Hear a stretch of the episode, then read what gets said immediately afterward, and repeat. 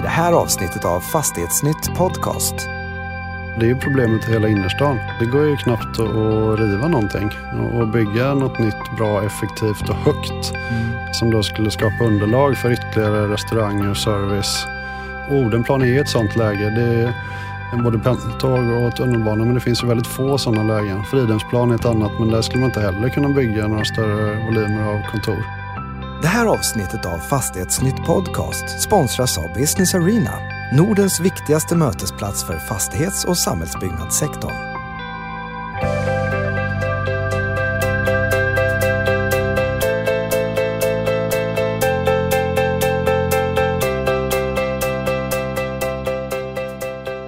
Hej och välkommen till Fastighetsnytt Podcast. Jag heter Sverige Tor och min gäst idag är Anders Elvinsson som är Head of Valuation and Advisory på Cushman Wakefield. Du är en återfallsförbrytare i podden, Anders. Men välkommen tillbaka. Ja, tack så hemskt mycket. Mm, du var ju med för ett och ett halvt år sedan ungefär med, tillsammans med din dåvarande kollega på Newsec, Alexander Lövgren. Precis, när vi mm. redovisade fyra myter om bostadsmarknaden. Precis. Har, har, har du fått någon, några reaktioner på det? Jo, men det var eh, alltså en väldigt kul rapport att göra. Mm. Eh, och det blev mycket eh, skriverier och diskussioner kring de ämnena som vi hade upp där. Och körde även mentimeteromröstning under presentationen. Och mm. Det var ju många fler som hade fel mot vad vi hade kommit fram till, vilket också var lite, lite kul då. Mm. Och kunna väcka lite ögonbryn, eller höja mm. ögonbryn. Mm. Mm. Men nu är du, har du gått över till mörka sidan så att säga? Ja, eller precis. Ljusa? Eh, till den amerikanska sidan i alla fall. till Cushman Wakefield. Ja, precis. Och ni är ju, alltså Cushman är ju ett ganska nytt namn i Sverige ändå. Eller, så här, det var ju DTZ som var stommen i det som idag är Cushman. Men, men hur känns det? Nej, men det känns väldigt bra. Man fick ju en rivstart där med att rekrytera Catella-gänget som mm. eh, där flera personer i och för sig då förra sommaren gick vidare till Savils men eh, det Capital Markets-gänget som nu finns med tillsammans med värderingsavdelningen som i grunden är från ETZ eh, står starka. Mm. Och eh, för Capital Markets-teamet så har det gått väldigt bra i år. Man ligger väl trea på Dutchess ranking. Mm. Mm. Eh, och vi på värderingsavdelningen fick för 15 år i rad utmärkelsen bästa värderingsföretag av Euromoney här i Sverige. Så mm. superkul. Mm. Det är väldigt mycket som händer på, på marknaden. Det är väldigt mycket som händer i ekonomin. Det är liksom intressanta tider. Allt det där påverkar ju fastighetsvärdena. Vi har ju pratat om, om, jag har haft din gamla kollega Ulrika på Newsec här i podden. Ulrika kanske är som gamla kollega, men före detta kollega. Ja. Eh, och jag tänkte vi skulle börja någonstans där vi, där vi lämnade på, på Business Arena i höstas. Där vi pratade om, om värdering utifrån beteendeekonomiska variabler och sådär. Och, och, för det är väldigt intressant tycker jag, diskussion det här med liksom hur man ska förhålla sig till teori, hur man ska förhålla sig till, till någon form av verklighet i värderingsarbetet. Hur man ska eh, förhålla sig till, till folks beteende. Och där finns ju det här, du nämnde ju Dacia här tidigare, den här nya produkten Dacia Footfall där man kan verkligen följa eh, personflöden eller folkflöden kring fastigheter, hur det påverkar eh, liksom världen och sådär. Men, men om vi bara... Hur, hur ställer du dig till det här med, med, med beteendefaktorer? Nej, men en sån sak som Dacia Footfall kan ju bli superintressant. Till exempel då, det pågår diskussioner om man ska rita om det som nu är Stockholm CBD. Mm. Den definitionen gjordes för ganska länge sedan. Och då skulle ett sånt verktyg verkligen vara till gagn. Man kan se hur folk rör sig och där det faktiskt är liv och rörelse, det finns det underlag för bra restauranger, bra service, bra butiker. Och det är ju där eh, kontorshyresgästerna vill sitta, men vill ju ha närhet till de här typen av servicetjänster eh, mm. på lunchrasten eller om man bara ska smita ut på ett ärende. Mm. Eh, så det, det skulle ju vara eh, en jättenytta och jag mm. tror det är ganska starkt korrelerat också med kontorshyrorna. Och, och det är väl det i mångt och mycket som är Stockholm CBD. Vad betalar man bäst? Eh, mm. Mm. Den definitionen stämmer väl ganska bra då i de flesta städer i världen. Mm. För Det är lite intressant det där med CBD. Det är ju ändå någon form av fläck på en karta så att säga. Ja. Men det finns ju fläckar i den fläcken som inte är CBD egentligen. Exakt. Nej men Stockholm CBD utgör ju en sjättedel av hela kontorsstocken i, Stockholm och det kan ju tyckas vara eh, lite mycket kanske. Mm. Eh, vi har ju ner mot regeringskvarteren och vi har ju även bort mot Norra Bantorget som inte kanske riktigt håller samma klass och samma hyresnivåer som eh, mitten av CBD med Hötorgsskraporna och, och Regeringsgatan och sen har vi en helt annan typ av fastigheter bort mot Stureplan. Då.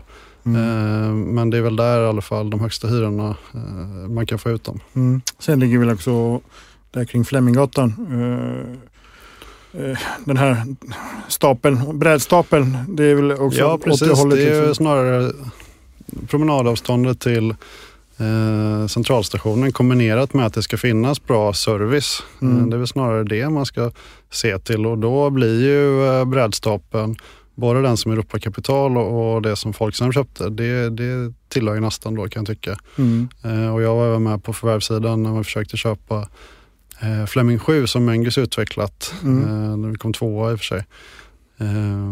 Men det är också en jättefin fastighet och den slutfördes ju för, vad blir det, det är snart två år sedan.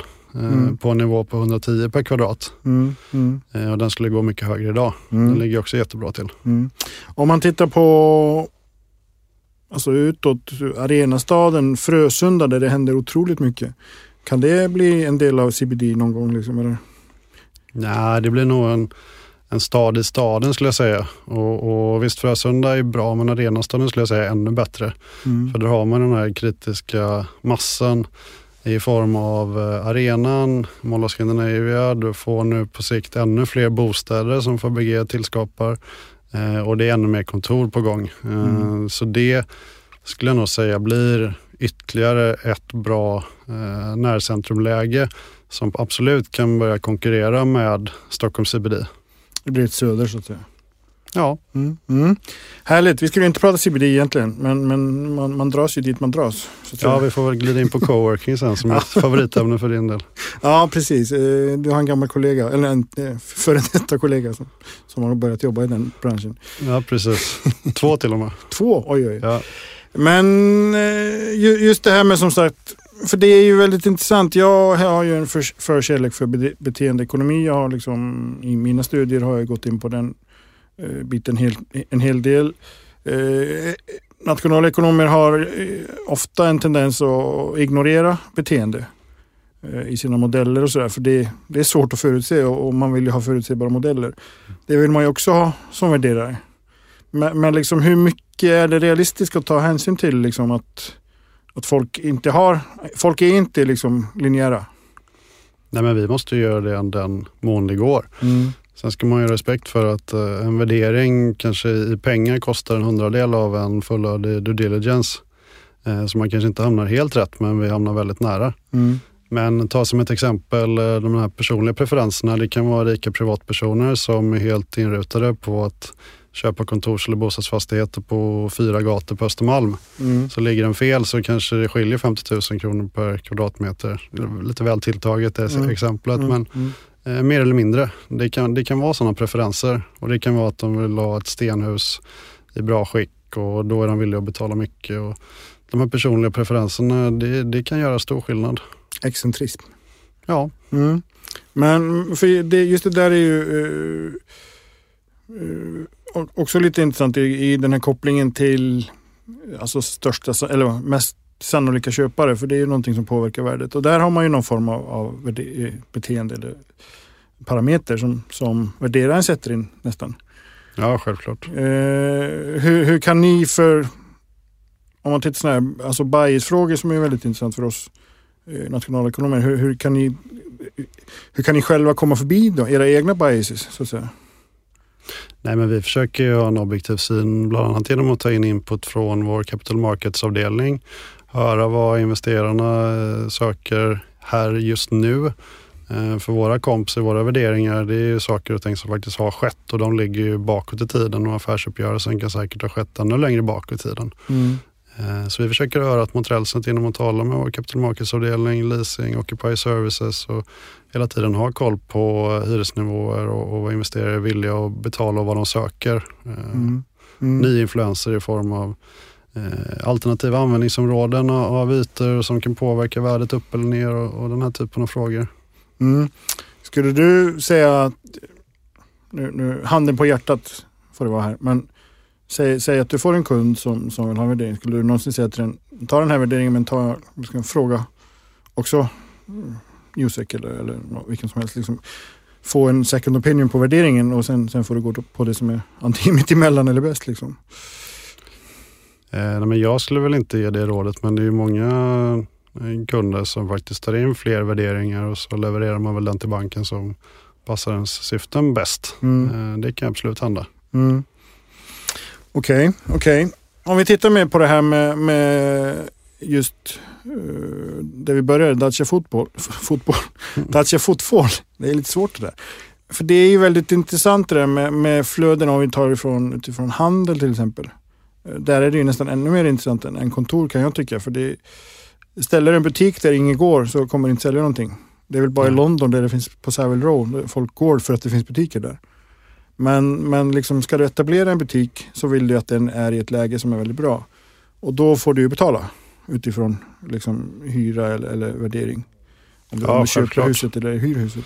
Ja men så är det. Mm. Men det påverkar ju snarare hyressättningen och kanske inte riktigt lika mycket om vi just tar Stockholm CBD som är en begränsad marknad och eh, de flesta kontorsfastigheter har någon form av restaurang eller service eller butik i bottenplan. Eh, och i och med att det är sån efterfrågan på kontor idag så får investerarna liksom blunda lite för att det kanske är lite tuffare på retailmarknaden och så får de betala vad man betalar för två år sedan även på det eh, och betala ännu bättre på kontoren. Mm. Eh, det är väl lite så, så det är idag då. men ett verktyg för oss är det definitivt när vi ska bedöma marknadshyror sett till hur flödena är mm. på en viss gata jämfört med en annan. När man jämför komps då på, på satta uthyrningar. Mm. Hur, nu vet jag inte hur prediktivt såna, prediktiva sådana här verktyg är, men, men liksom om, om ni ser att ja, nu har flödena minskat senaste året här. På, hur påverkar det värdet? Liksom? Nej, man får väl börja med en diskussion med eh, uppdragsgivaren och försöka få in omsättningssiffror från de eh, butikerna som finns då. Sen om flödena minskar då kan ju det även påverka kontorshyresgästerna. Om det på sikt eh, skulle innebära att butiker och restauranger skulle behöva lägga ner eller att det blir en sämre standard på dem då i närområdet. Mm. Men det är ju det är avvägningar man får göra eh, och det är inte helt lätt, det får man ha full respekt för. Mm. Om man vänder på frågan, för du nämnde att, att eh, en, en kontors eller en investerare kan ju behöva förhålla sig till att det finns retail som går lite taskigt. Säg att det, går, det finns retail som går jättebra.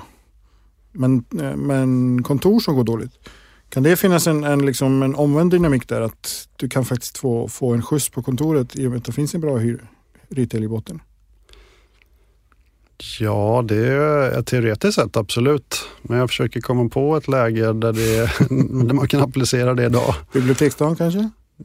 Ja, Fast det är också mycket på grund av, av restauranger och annat utbud som, som mm. gör att många vill sitta där. Eh, mm. Många på ledande positioner och annat som är de som bestämmer över var bolaget ska sitta. Mm. Eh, kanske inte nödvändigtvis just vilka butiker som finns där utan mer då restauranger och annan service. Mm. Och också närhet till eh, var de faktiskt bor. Mm. Ja, och den, men den dynamiken tar ni hänsyn till. Skulle du liksom säga att du ska värdera Ja, jag ta... skulle säga att den dynamiken, alltså det blir ganska trögrörligt. Eh, biblioteksdagen har varit bra under väldigt lång tid och de här fundamenten som gör det bra med butiker, restauranger och Östermalm som bostadsområde, det finns ju fortfarande där. Eh, och det händer inte så mycket inom, inom, inom det området helt enkelt. Mm. Om vi tar en annan, ett annat läge. Jag har ju ibland eh, i somras, för jag pendlar ju till Skåne, i somras när de höll på med, med getingmidjan här. Då stannade alla tåg på Södra station. Och då funderade jag ibland på det här, liksom, om man skulle dela upp eh, fjärrtågstrafiken så att vissa tåg går till centralen, vissa går till Södra. Lite som man gör i London till exempel. Mm. Där det finns olika stationer och olika trafiknoder. Eh, då skulle det komma en hel del mer, alltså större flöden i, i, alltså permanent i det området. Om man tittar på Odenplaneffekten som det heter. Ja. Skulle man få en Odenplaneffekt där till exempel. Men om, om vi tittar på då Odenplan, eh, just där det, det caset redan finns. Mm. För där har man ju sett en, en stor skjuts på värdena vad jag förstår. Ja absolut, men så är det. Mm. Eh, men det har ju mycket att göra också med att det är ett läge som ligger nära CBD och i CBD har man inte tillfört någon nettoyta av kontor de senaste tio åren och det har ju bidragit starkt till att eh, hyrorna har liksom skjutit i taket. och att eh, eh hyresgäster har tryckts ut till Odenplan, till Östermalm, till Södermalm. Eh, så det ena ger väl det andra. Men absolut att Odenplan blivit bättre med, med pendeltåg och sen på sikt tunnelbanan, det, det skriver jag under på. Mm. Så det blir ett A plus-läge så att säga? Eller är det CBD idag? Eh, nej, CBD skulle jag inte kalla det. Men A plus? Ja, B, B plus i alla B fall. plus, oj oj oj. Det var illa. Nej, men det beror på hur många bokstavskombinationer man ska sätta på Stockholm innerstad. Mm, ABC då? Ja, nej, men då är det B plus. B plus, okej. Ja. okej. Eh, A plus som inte är CBD, eller A plus är CBD, hur, hur ser du på det? Eh, vilka lägen tänker du? Mm. Nej, men mycket av Södermalm går ju bra nu. Alltså mm, Götgatsstråket och eh, även delar av Gamla stan eh, ser vi bra nivåer på. Mm. Eh, sen eh, lägen som, som ändå ligger nära CBD på Östermalm och eh, precis ovankant CBD i, i Vasastan och Norrmalm eh, går ju också jättebra. Mm. Så så det, är liksom det som ändå är tunnelbanenära och har promenadavstånd in till de centrala delarna. Mm. Eh, det går väldigt bra. Mm.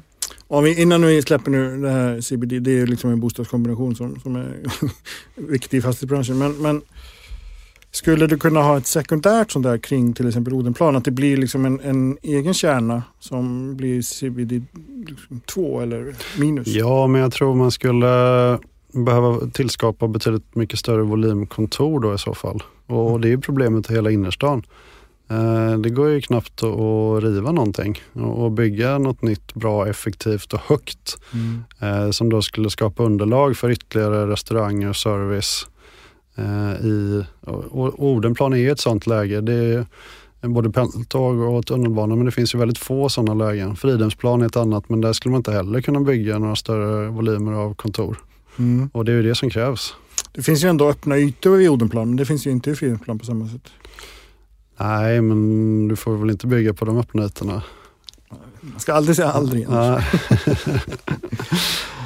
Ja, om vi, om vi släpper nu den diskussionen och, och, och eh, hur, hur om, du, om du skulle liksom bli lite eh, en liten prognosmakare. Eh, Du, du får liksom du får frågan av, du- inbilla dig att du står på Business Arena och får frågan hur, hur kommer världen att utvecklas närmaste året? Eller Ja. närmaste året och närmaste fem. Får, får det bli lite mer svårt. Nej, men jag tror fortfarande på ett lågränteklimat under ganska lång tid. Eh, och ser man till eh, den negativa svenska tioåriga statsobligationen och det var ju Atlas Copco släppte en företagsobligation här i slutet av augusti som gäller 0,125 då. Eh, Mm. Så det var ju knappt över nollan på ett stabilt börsbolag. Eh, Mm. Jämför man det med vad man faktiskt betalar på till exempel ett äldreboende, bra läge i Stockholm, långt avtal där hyresgästen står för fastighetsrisk och, eh, och den idag kanske ligger någonstans mellan 3,5 och 3,75 så är det ju en jäkla spread. Mm. Eh, och, och den tror jag absolut kommer kunna gå ner. Eh, men eh, innan vi ser det på enskilda objekt så tror jag det kommer krävas att man sätter någon större portfölj i den typen av läge eller bästa läge i regionstäder också. Mm. Eh, för att komma ner mot eh, säg 3 då, om det är en 2 miljarders affär Mm. eh, med en rejäl premie. Och då tror jag liksom det blir lite proppen ur. Mm. Men vi är inte där nu. Ponera att det blir att vi har ett liksom, nytt normalt ränteläge. Där det ligger på 0,125 är kanske att ta i, men säg en halv för, för liksom ett, ett vanligt företag att låna pengar. Ja. Eh, vi har kontorsräntor i, i kontor, kontorshyror eh, som, som ligger på, eller värden som ligger på någonstans 3,75 i CBD. Ja, nej, men bästa läge ligger väl någonstans ner mot 3,25 skulle jag säga. 3,25, okej. Och det finns ju en fastighet som är ute till salu nu, Lambiska verket, som Midrock säljer. Eh, Där det går rykten om att det kommer bli eh, en riktigt hög kronor per kvadratmeter peng. Mm. Så det skulle ju påverka oss som värderare såklart. Men det är svårt att värdera baserat på rykten. Mm. Eh, Så det är också lite ett delikat dilemma vi står inför. Mm. Men, men okej, 3,25. Ponera, det är ju då max. Alltså det är Ja, det absolut absolut. högsta. 3 3,75 är kanske Och då är det ju, på då är det ju exit yield vi talar om. Mm. Eh, Den initiala yielden kan ju i- vissa fall om eh, räntorna, eller vad säger hyrorna har släpat under lång tid nu ligga ner mot eh, 2,25. Mm. Eh, så det är inte mycket du får initialt men absolut det finns stor potential i de fastigheterna som gillar så lågt mm. initialt. Mm. Men du har ju ändå ett ganska, alltså historiskt sett ganska stort yieldgap fortfarande. Du har, det finns ingen risk på obligationsmarknaden, alltså Riksbanken köper ju den. Det finns i stort sett ingen risk i fastighet. Det finns ju alltid, det, jag tycker ibland så kan man ta det lite med en klackspark men det finns ju alltid en risk. Men den är ändå minimal historiskt sett också. Mm. Tror du att vi börjar komma mot ett läge där de här låga gilderna blir normalläge? Ja, förutsatt att räntorna är så låga fortsatt. Mm. Då så tror det, jag det är ett normalläge. Finns det liksom en uppsida fortfarande i och med att man, i att man biter ner sig på, på liksom yieldgapet? Om man säger så. Kommer yieldgapet att bli normaliseras någonstans vid typ två eller vad det kan vara? Ja, men yieldgapet är betydligt mycket högre idag ju. Mm. Eh, så jag tror absolut det finns mer att ta av. Okej, mm, okej, okay, okay. intressant. Men eh, ta ett eh, segment som retail, det påverkas ju också av att man inte kan få samma finansieringsvillkor på till exempel som om man jämför med ett äldreboende då. Mm. Där du kan få högre belåningsgrad, lägre ränta och kanske inte behöva amortera på samma sätt. Och det är väl det vi sett i England som ett exempel där för tre år sedan om man köpte eh, för fiktiva 100 eh, så är det i vissa fall att det värdet har halverats nu då. Just på grund av att bankerna är så restriktiva. Så nya köpare får liksom inte runt kalkylen och måste lägga en så hög yield i sin köpkalkyl tillsammans då med att det är lite vakanser uppstått och hyror omförhandlats. Mm. Så har värdena verkligen eh, gått rakt ner i, i botten. Mm. Yielden gått upp och värdet ner. Ja. Eh, den här omvända, intuitivt omvända. Ja. Eh, vi ser väl inte riktigt att bankerna i Sverige är lika defensiva. Eh, men de är ju mer defensiva i det segmentet än andra. Mm. Just det där är ju intressant det med finansiering. Det har vi kommit in på i tidigare poddar också. Men eh, finansieringsvillkoren såklart påverkar värdena på fastigheterna. Men om man tittar på det som hände förra veckan som vi visste skulle hända, men det, alltså bank, eh, Finansinspektionens utspel om, om riskvikterna, i, eller riskgolvet i, i bankerna mot, mot fastigheter, att man behöver öka riskvikterna mot fastigheter, kommersiella. Där det, de flesta jag pratar med ser det som ett ganska väl avvägt beslut av Finansinspektionen och ganska klokt till och med. Men det kommer ju leda till att bankerna antingen får kräva mer säkerheter. Mm. Eh, de kommer att behöva höja räntorna eller så kommer de behöva låna till någonting annat än fastigheter. Kan jag har väl också hört att de är mer eh, aggressiva vad gäller amorteringsgraden mm. och att man är upp mot 2% per år i, vissa fall. Och det slår ju ganska hårt på IRR-kalkylen för köparen. Mm. Och det kan ju också påverka värderingen. Absolut. Vad ser du där? Liksom, kan, kan det bli så att bankerna på något sätt motverkar den här utvecklingen som vi för, precis förutspådde? Ja, men samtidigt ser vi i Europa många köpare på bra nivåer som till 100 finansierar sig med eget kapital. Det finns ju väldigt mycket pensionskapital, speciellt från Asien, som ska placeras i fastigheter. Såg på Dagens Industri här eh, senast igår att eh, amerikanska riskkapitalister skriker efter investeringar, att kassorna börjar bli alldeles för välfyllda.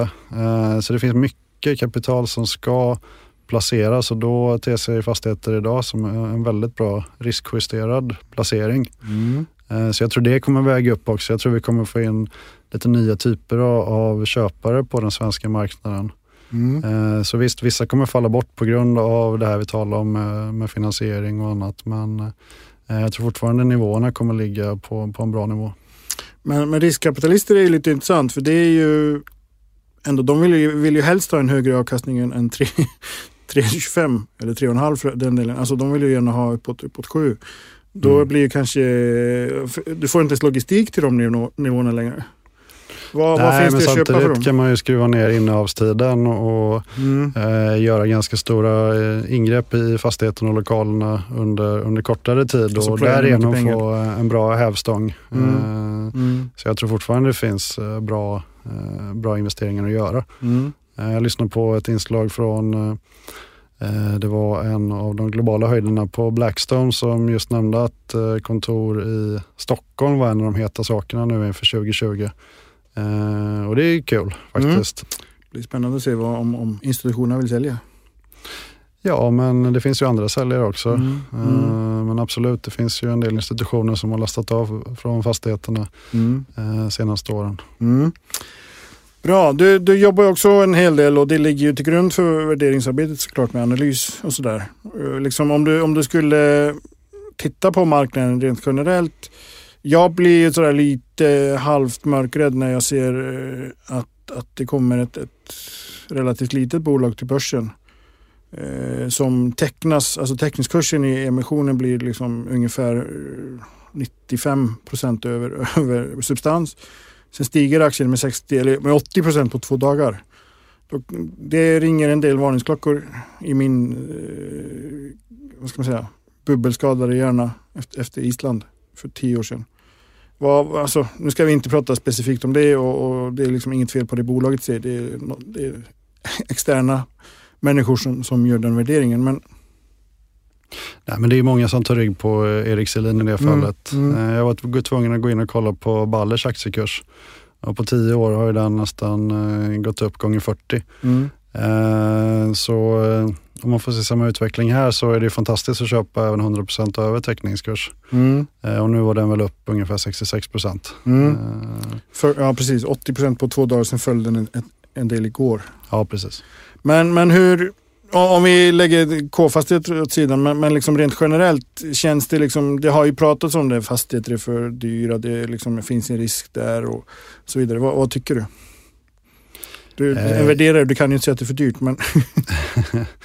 Nej, jag får väl säga att det är rätt prissatt då. Mm. I alla fall i våra värderingar.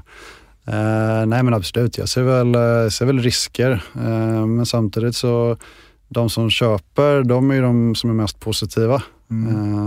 Eh, och det är Per klart, definition. Ja, Mm. så det är klart vi, vi får försöka spegla eh, deras syn på marknaden. Mm. Eh, men sen faktiskt eh, eh, eh, sådana kompisar som faktiskt skett vad gäller uthyrningar och, och försäljningar. Mm. Eh, Men vi får ju också ha örat mot rälsen med hjälp av vår capital markets-avdelning till exempel och förstå vad som händer här och nu. Mm. Men ju- just det här, vi pratar ju lågkonjunktur, det pratas om att eh, hyresunderlaget kan, kan börja falla om, om liksom ekonomin går söderut. Den, den står ju och stampar på något sätt. Det är liksom inte så mycket som, egentligen som säger lågkonjunktur än, Nej. men det är många som säger att den är på väg. Eh, jag har lite svårt att avgöra, känner jag själv just nu, hur det ser ut. För så länge Riksbanken pumpar på så blir det svårt, svårt att se någon form av lågkonjunktur. Men, men absolut en, en avmattning så att säga. Vad, om det nu blir en lågkonjunktur, vad händer då? Nej, men det är klart att underlaget för eh, att tjänstesektorn ska växa och därigenom ta mer kvadratmeter i till exempel Stockholm, eh, den kommer ju gå ner. Mm. Eh, men samtidigt eh, andelen nyproduktion av den totala stocken, den har ju vissa år till och med varit negativ totalt sett för att det är så mycket som har konverterats till bostäder och hotell. Nu har ju den andelen gått ner. Eh, Men vi ligger ändå på runt en procent av, av stocken.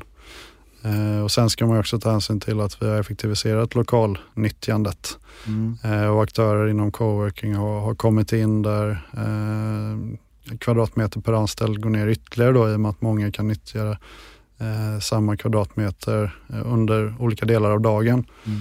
Eh, Men jag är inte alltför oroad över det. Vakansnivåerna är väldigt låga. Eh, Hyresgästerna har vant sig vid, vid en ganska hög standard nu och kringtjänster. Och den nya generationen av personer som kommer in på arbetsmarknaden, eh, det är det de efterfrågar och det är det företagen får, får liksom sträva mot och upprätthålla för att få in sina eh, för att få in bra medarbetare. Mm. Kräver det större liksom, investeringsinsatser av fastighetsägarna? Jo, men de hyresgästanpassningar vi ser till de här riktigt höga hyresnivåerna, de, de, är ju, eh, de, de går ju bara uppåt. Eh, Så är det. Men å andra sidan genererar ju det ganska långa avtal med riktigt bra hyresnivåer så det betalar ju absolut igen sig. Mm. Men eh, bra lösningar vad gäller teknik, eh, bra ytskikt, representativa kontor i bra lägen. Man vill väl gärna ha, om man betalar riktigt bra, vill man ha någon form av terrass eller något annat som gör att kontoret blir unikt. Mm. Mm. Om, om man tittar på utifrån coworking som är ju Ja, jag har skrivit en del om det som du hänvisade till i början Ja. här och, och, och det finns ju som jag ser det ganska stora risker mest, mest i att man inte liksom, man inte, ja det, det är svårt när man inte har någon form av liksom lönsamhet i bolag. Men om, om, en, om en fastighet har coworking, liksom ett stort coworking element, påverkar det värdet på den på något sätt? Ja, men våra amerikanska kollegor gjorde en eh, undersökning där för ett år sedan. Det var i och för sig innan WeWork-debaclet. Eh, men teoretiskt sett kan jag tycka att den eh, kan appliceras även på svenska marknaden. Det var om coworking utgjorde någonstans mellan 15 och 30 procent av den uthyrbara kontorsytan så har investerare villiga att betala en premie, alltså ett högre värde per kvadratmeter. Men översteg den här andelen 30 procent så såg man det snarare som en risk och då börjar man vilja ha en rabatt istället. Mm. Eh, och vi märker, vår leasingavdelning eh, märker att många hyresgäster vill nu sätta sig i fastigheter där det finns en coworking-operatör just för att man ska ha det som en, en pysventil och kunna växa och, och minska sin yta. Eh, så, så jag tror, eh, och Sverige är en för liten marknad för att göra en sån undersökning, Mm. i alla fall på kort sikt. Eh, Så jag tror nog det, det kan stämma. Eh, Men jag tror inte alla investerare tänker så och om till exempel WeWork skulle vara coworking-aktören så tror jag vissa skulle vara väldigt skeptiska. Mm, mm. Men, men liksom när du då tar en fastighet som är 100% coworking, för det finns ju sådana. Eh, det är då en riskparameter skulle du, ni säga. Eh, Ja, det beror på också på läget. Mm. Ska inte säga något illa om WeWork egentligen, men den fastigheten de sitter i i Stockholm idag, den är ju verkligen i bästa läge. Mm. Eh, Så jag tror ju alternativet för en fastighetsinvesterare som skulle gå in och köpa den, eh, det skulle inte vara så farligt. Mm. Däremot om det skulle vara en fullt uthyrd eh, kåk med bara en aktör inblandad, då, en operatör coworking i närförort, lite sämre läge, då skulle jag nog vara, vara lite mer skraj. Mm. Om du då tittar på en vanlig single tenant fastighet, ett kontorsfastighet, det är ju, egentligen är det ju samma sak. Du har ju samma risk mot att eh, den kundens affär går i liksom går Ja, i men diket. förhoppningsvis är det ju en hyresgäst som eh, eh, har en sund finansiell ställning Mm. eh, som redovisar ett positivt resultat och har en liksom stigande omsättning. Mm. Eh, Så det får man ju ta hänsyn till. Eh, Coworking-aktörerna idag är ju i mångt och mycket uppumpade av riskvilligt kapital Mm. i hopp om att eh, det ska bli något bra i i framtiden. Mm. Så där skiljer det sig ganska mycket. Mm. Men säg att du har flygbolag, vi behöver inte nämna några namn, vi, liksom, vi kan ta ett fiktivt exempel och, och liksom Kreta-effekten slu, slår mot fullt ut liksom, och Mm. folk slutar flyga. Eh, hur, hur ser man liksom, vilken riskbedömning behöver du göra på, på liksom hyresgästens affär när du, när du liksom gör en värdering? Om man tittar på den sidan då. Det är nog mycket från värderare till värderare. Eh, Så eh, personliga preferenser och vad man tänker och tycker. Mm. Men vi försöker i alla fall göra en eh, snabbare analys av, samtliga hyresgäster eh, beroende på storlek på fastighet då såklart. Men gå in på alla bolag och kolla omsättning och resultat senaste åren och kolla soliditet. Och sen hänger man väl ändå med i nyhetsmedia idag och, och vet ungefär hur, hur olika branscher går och hur de stora bolagen Mm. eh, har det ställt. Mm. Men eh, AI och, och digitalisering skulle absolut kunna hjälpa oss värderare där. Eh, man skulle kunna få en Eh, någon form av kreditupplysningsanalys på eh, hyresgästnivå och sen vikta det mot hyresvärde och, och få någon slags score på eh, den genomsnittliga hyresgästen i en fastighet som man kan ta hänsyn till när man sätter eh, exit yield och, och den typen av parametrar. Mm. Nu kom du in på en sak som jag hade tänkt spara till slutet. Så nu får vi, eh, tiden börjar flyga iväg så vi kanske får ha det som slutet. Det, det jag har gått fort här idag. Men just det här med AI. Det, det pratade vi om på Business Arena. Och, och värdering är, det är bedömningssport såklart. Ser du att det finns någon risk att värderare blir obsoleta? Det blir liksom bara eh, att Daryl tar det. Nej, det ser jag inte. Det finns ju bolag som försöker tillämpa AI vid värdering, till exempel holländska Geofy. Eh, men de eh, värderar ju främst då, eller man kan värdera med deras verktyg, främst bostadsfastigheter. Mm. Eh, och då tar de ju hänsyn till väldigt många olika nyckeltal.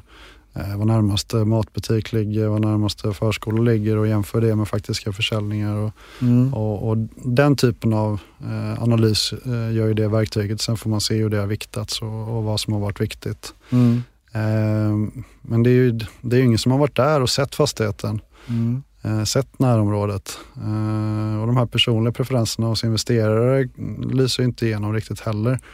Och sen lever vi i en föränderlig värld. Eh, det finns coworking inom kontor, det finns flexibla avtal där man har avstegsklausuler. Inom retail är det pop-up butiker som ersätter en del ordinarie butiker. Och jag tror det kommer ske i allt större utsträckning så man kommer få behöva ta mer hänsyn till alternativanvändningen av en mm. fastighet eller mm. lokal. Mm. Eh, om tid frigörs då till eh, research och, och, och att eh, analysera de här fundamenta för en fastighet vad gäller värdering så kan ju mer tid läggas på själva bedömningen och analysen. Mm. Så jag tror inte vi blir obsoleta. Men ni, kan, ni kommer kunna använda AI som ett, som ett, ett stödverktyg så att säga? Ja, på sikt är jag helt övertygad om det. Mm det är spännande faktiskt eh, just den utvecklingen och jag, jag, kan tänka mig att vissa kanske har lite svårt att sova om natten när man ser liksom om du kan slänga in vilken information som helst eh, i en låda och att det kommer ut en analys. Då blir det, kan det till och med bli så att vi journalister blir obsoleta också någon gång. Ja, ja det, ni blir nog före oss tror jag. Då ska jag bli värderare. du är välkommen. Tack. Anders, det är snart jul. Eh, när den här podden går ut så är det en vecka kvar till jul. Eh, har du några fina planer? Jag ska ner till Göteborg och fira med eh, min familj och min frus familj. Så okay. det ser vi fram emot. Mm. Då önskar jag dig en god jul. Ja, detsamma. Mm, tack ska du ha. Tack. Och god jul alla ni som lyssnat. Det här är sista podden för i år, men vi är tillbaka nästa år. Tack. Det här programmet görs på Beppo. Beppo. Beppo. Beppo. Beppo. Beppo.se